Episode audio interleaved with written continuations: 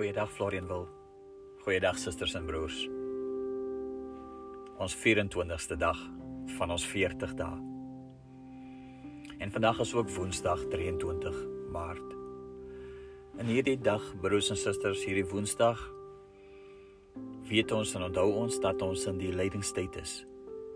Ons onthou ook dat ons in ons eie 40 dae van toewyding is. Dit wat ons gesê het ons wil graag doen. En daarom vriende, kyk ons weer vandag na die storie van Dawid en ons leer weer vanuit sy lewe. Ek open vir ons met gebed. Dit is my dankbare harte, Here, dat ons kan stil raak voor U aangesig. Dankie Here vir die momente wat ons het Here om voor U te mag verskyn. Dankie Here vir die eerlikheid wat U Here in ons harte nou gee deur die Heilige Gees om net opreg Here voor U te mag staan. Here om nie op hierdie oomblik Here veel van U te verwag nie. Eintlik maar net Here dat U na ons sal kyk in liefde. En sonder om iets te vra Here wil ons sê Here dat U saam met ons moet wees. Sien ons wanneer ons U woord luister. Help ons hier om dit te verstaan. En vorm Here nuwe dinge in ons harte. In die naam van Jesus. Amen. Vriende, soos altyd mag die genade en vrede van die Here met julle wees in 'n oomblik soos hierdie. Ek lees enkele verse vanuit 1 Samuel 25. Natuurlik is dit eintlik die hele hoofstuk wat ons moet lees, maar terwille van tyd vanaf vers 20 tot 35. Terwyl sy op die donkie ry en onder die beskutting van die berg afgaan, kom Dawid en sy manne juis af in haar rigting sodat sy hulle ontmoet. Dawid het gedink: Ek het bes, beslis spiere verniet. Alles wat aan hierdie man behoort in die woestyn opgepas sodat daar niks van alles wat aan hom behoort vermis geraak het nie. Hy vergeld my kwaad vir goed. Mag God my Dawid swaar straf as ek van almal wat aan hom behoort een mansmens tot môreoggend laat oorbly. Toe Abigail vir Dawid sien, het sy vinnig van die donkie afgeklim. Voor Dawid neergeval en diep neergebuig met haar gesig teen die grond. Sy het by sy voete neergeval en gesê: "Die blaam rus op my, my Heer. Laat my, u dienares, asseblief direk met u praat en luister na die woorde van u dienares." My Heer moet hom tog nie steur aan Nabal nie. Daardie skobbejak van 'n man. Want so sy naam is, so is hy. Sy naam is Nabal en die dwaasheid loop saam met hom. Maar ek, u dienares, het nie die jong manne van my Heer wat u gestuur het gesien nie. En nou, my Heer, so waar as die Here leef en u leef, die Here wat u daarvan weerhou het om by bloedskuld betrokke te raak deur met u eie hand 'n oorwinning vir uself te behaal. Mag dit nou met u vyande en met hulle wat daarop uit is om my Heer kwaad aan te doen, gaan soos met Nabal. En nou wat hierdie buitengewone geskenk betref wat die slaafin my Heer gebring het, laat dit gegee word aan die jong manne wat in my Heer se voetspore volg. Vergewe asseblief die oortreding van u dienares. Aangesien die Here beslis vir my Here bestendige huis sal vestig, omdat my Heer die oorlog van die Here voer, mag onheil nie naby u kom solank u leef nie. En wanneer mense opstaan om u te agtervolg en die lewe bedreig, mag die lewe van my Heer dan toegebind wees in die sakkie van die lewendes by die Here, u God. Maar die lewens van die vyande mag hy dit wegslinger uit die holte van 'n slingervel. Wanneer die Here aan my Heer al die goeie doen wat hy oor u uitgespreek het en hy u aanstel as leier oor Israel sal hierdie saak nie daar wees as 'n hindernis vir u en as 'n struikelblok in die gedagtes van my Heer nie.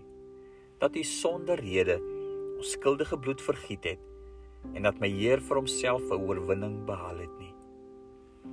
En wanneer die Here aan my Heer goed doen, moet U aan die dienares dink. Toe sê Dawid vir Abigail: Die Here, die God van Israel, moet geprys word. Hy wat jou vandag gestuur het om my te ontmoet. Jou goeie jou goeie oordeel moet geprys word en jy moet geprys word omdat jy my vandag daarvan weerhou het om in bloedskuld betrokke te raak en met my eie hand vir myself 'n oorwinning te behaal. Maar aan die ander kant, so waar as die Here, die God van Israel leef, hy wat my daarvan weerhou het om jou kwaad aan te doen, sou daar as jy my nie so gou tegemoet gekom het nie, sonder twyfel teen die môre lig nie 'n enkele mansmens van Nabal oorgebly het nie. Dawid het toe dit wat sy vir hom gebring het uit haar hand aanvaar en vir haar gesê: "Gaan in vrede op na jou huis. Kyk, ek het na jou geluister en ek is jou goedgesind." Dis die woord van ons Here. Wanneer Dawid se naam genoem word, word hy meeste van die kere geassosieer met Goliat en natuurlik die ander persone is ook Batsheba. Van Dawid en Abigail oor 'n mens baie minder. En tog is hierdie 'n belangrike storie want Abigail red vir Dawid. Die agtergrond tot ons geleesde gedeelte, dis nou die res van die hoofstuk, vertel van Dawid se versoek aan Nabal. Nou, Dawid en sy manskappe het in die wildernis goed gedoen. Hulle het ander gehelp. Die wildernis was nie 'n veilige plek gewees nie. So behalwe die gevare van die natuur, was daar ook gevare van misdadigers gewees. So Dawid en sy manskap het baie reisigers en veewagters beskerm.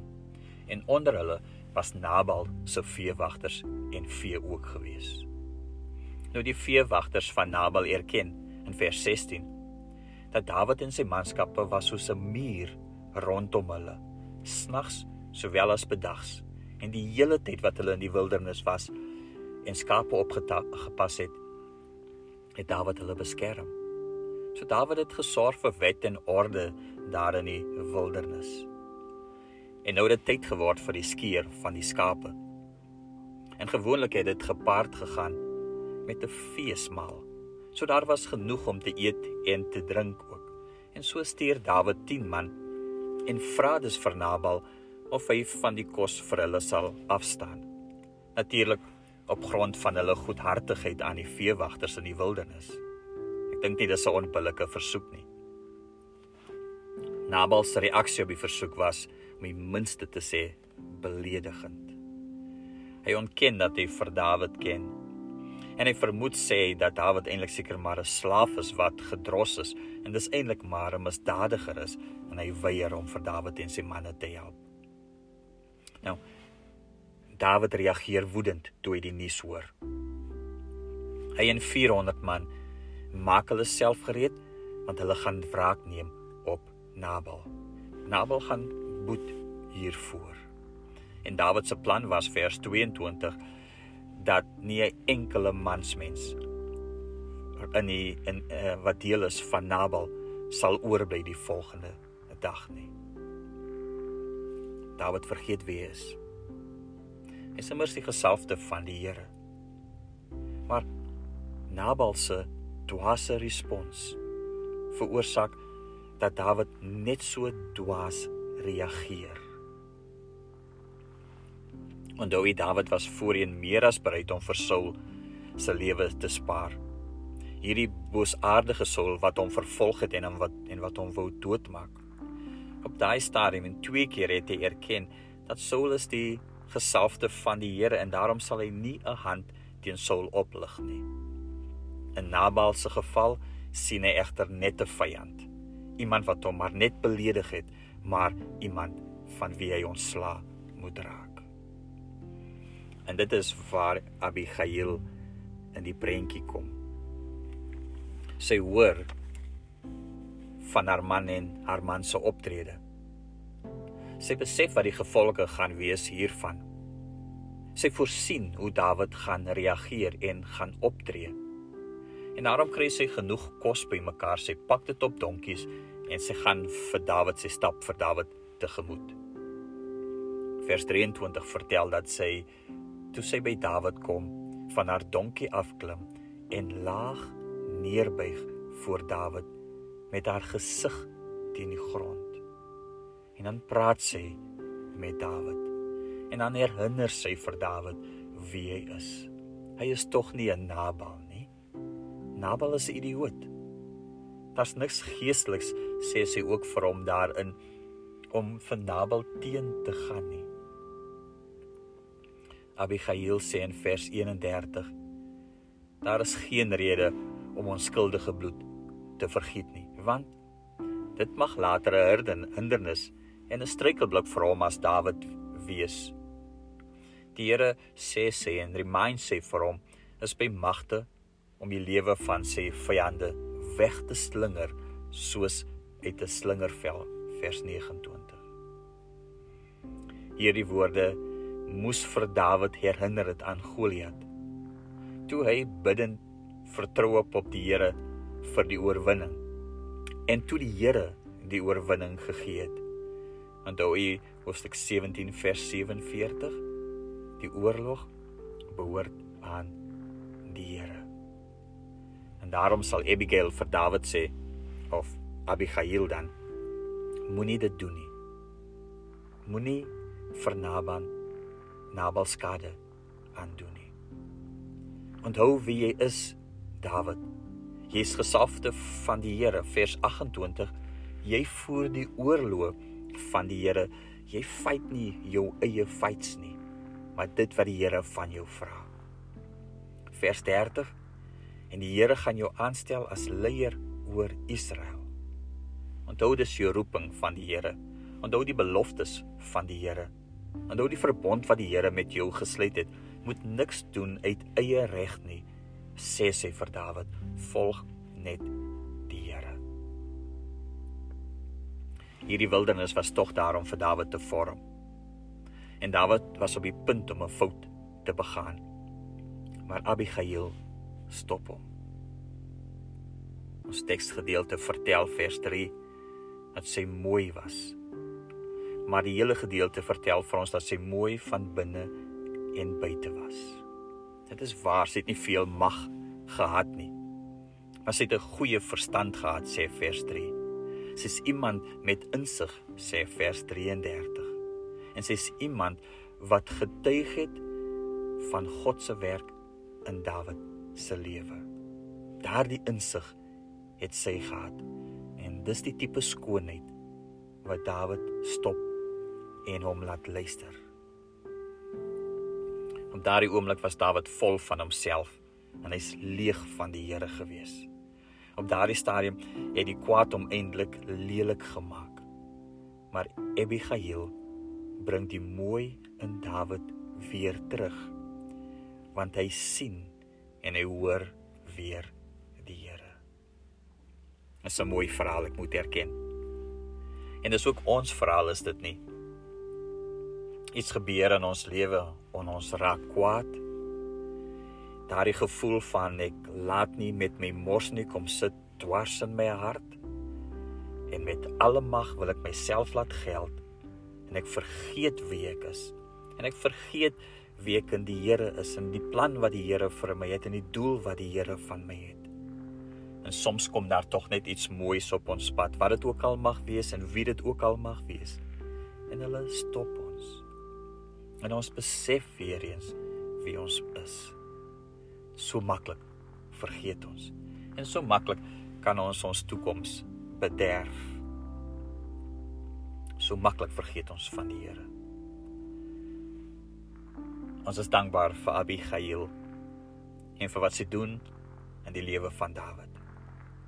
En ons is dankbaar vir mense soos sy in ons lewens vandag wat ons op 'n oomblik op 'n dag maar net stop en ons remind. En dan ontdek ons ons taak en ons roeping en dan ontdek ons weer die Here. En ek wonder ook hoeveel van ons is soos Abigail. Dit is tog ook ons rol. Lees die res van die hoofstuk. Nabal sterf. Ja, binne 'n kort tydjie. En Dawid neem vir Abigail as sy vrou. Amen.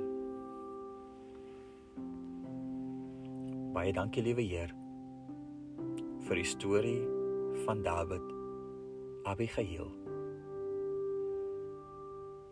En dankie Vader dat U mense stuur mooi mense Here op ons pad om ons te remind en ook eintlik Here te keer dat ons groot foute maak.